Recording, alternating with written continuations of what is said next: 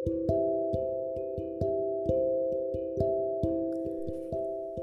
masih ingat wajah itu yang mampu membuatku menahan malu saat berada di dekatmu. Aku masih ingat baju bola pink milikmu yang kau pakai saat bermain. Saat itu, aku berpikir, kenapa cowok seperti dia malah pakai warna pink? Aku sempat terheran. Tapi selanjutnya aku sadar bahwa warna apa pun yang kamu pakai, penampilanmu tetaplah menarik bagiku. Seperti misalnya saat kamu memakai baju olahraga ungu datang ke sekolah. Katanya sih, kamu murid dari luar. Aku tak pernah menyangka akan bertemu denganmu di tempat ini. Setelah bertahun-tahun lamanya, aku akhirnya bisa mengenalmu lebih dekat. Meskipun kita tak pernah sedekat itu.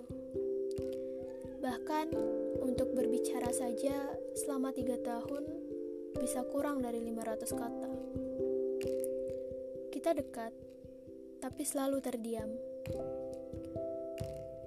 Aku bertanya-tanya, apa arti sebuah pertemuan sebenarnya jika kita tidak saling berbicara?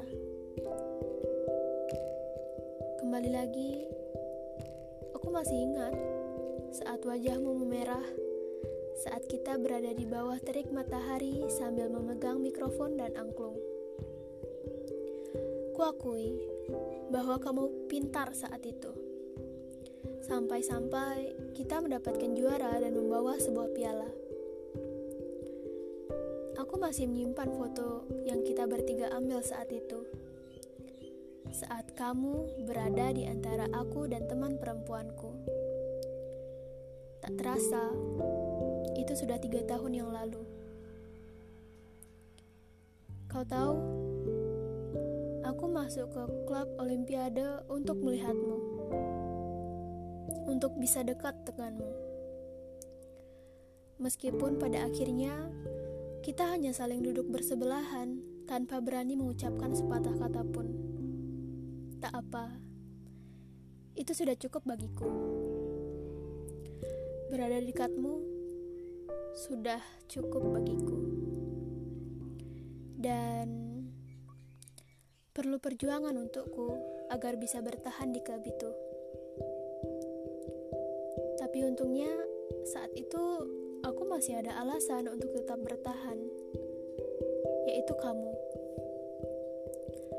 Kamu membuatku jadi lebih semangat, meskipun kamu gak pernah menyemangati aku. Aku semangat karena aku ingin menunjukkan bahwa aku mampu padamu. Kamu menjadi alasan kenapa aku mau mencoba ini itu. Karena aku ingin menjadi orang yang mempunyai keahlian lebih banyak untuk merasa pantas menyukaimu. Meskipun pada akhirnya kamu tidak tahu semua itu. Tak apa, mungkin bahagiamu bukan di aku. Memang sedikit sesak saat menerima kabar bahwa kamu dengan orang lain. Berulang kali aku mengingatnya, air mata serasa menggenang, memaksa untuk keluar.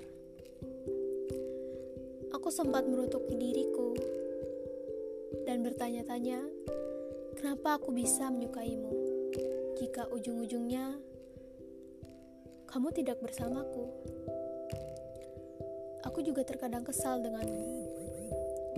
Aku ingin marah denganmu.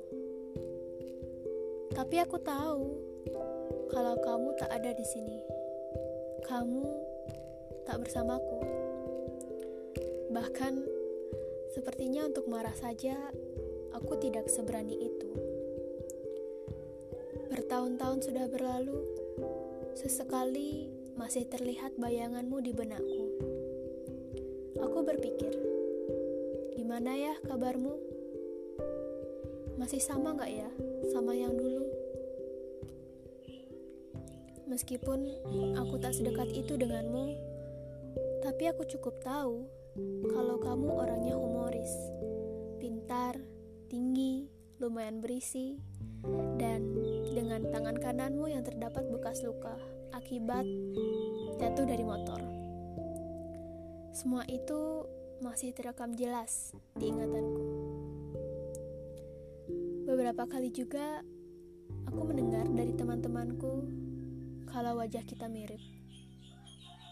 Hmm, aku tak tahu sih miripnya dari mana.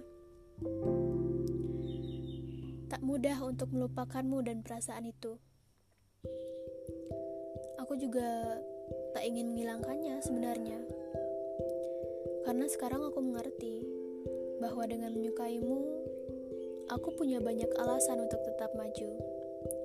Menjadi pribadi yang seperti sekarang. Aku senang bisa mengenalmu, senang juga bisa menyukaimu. Meskipun pada akhirnya kita tak menjadi satu.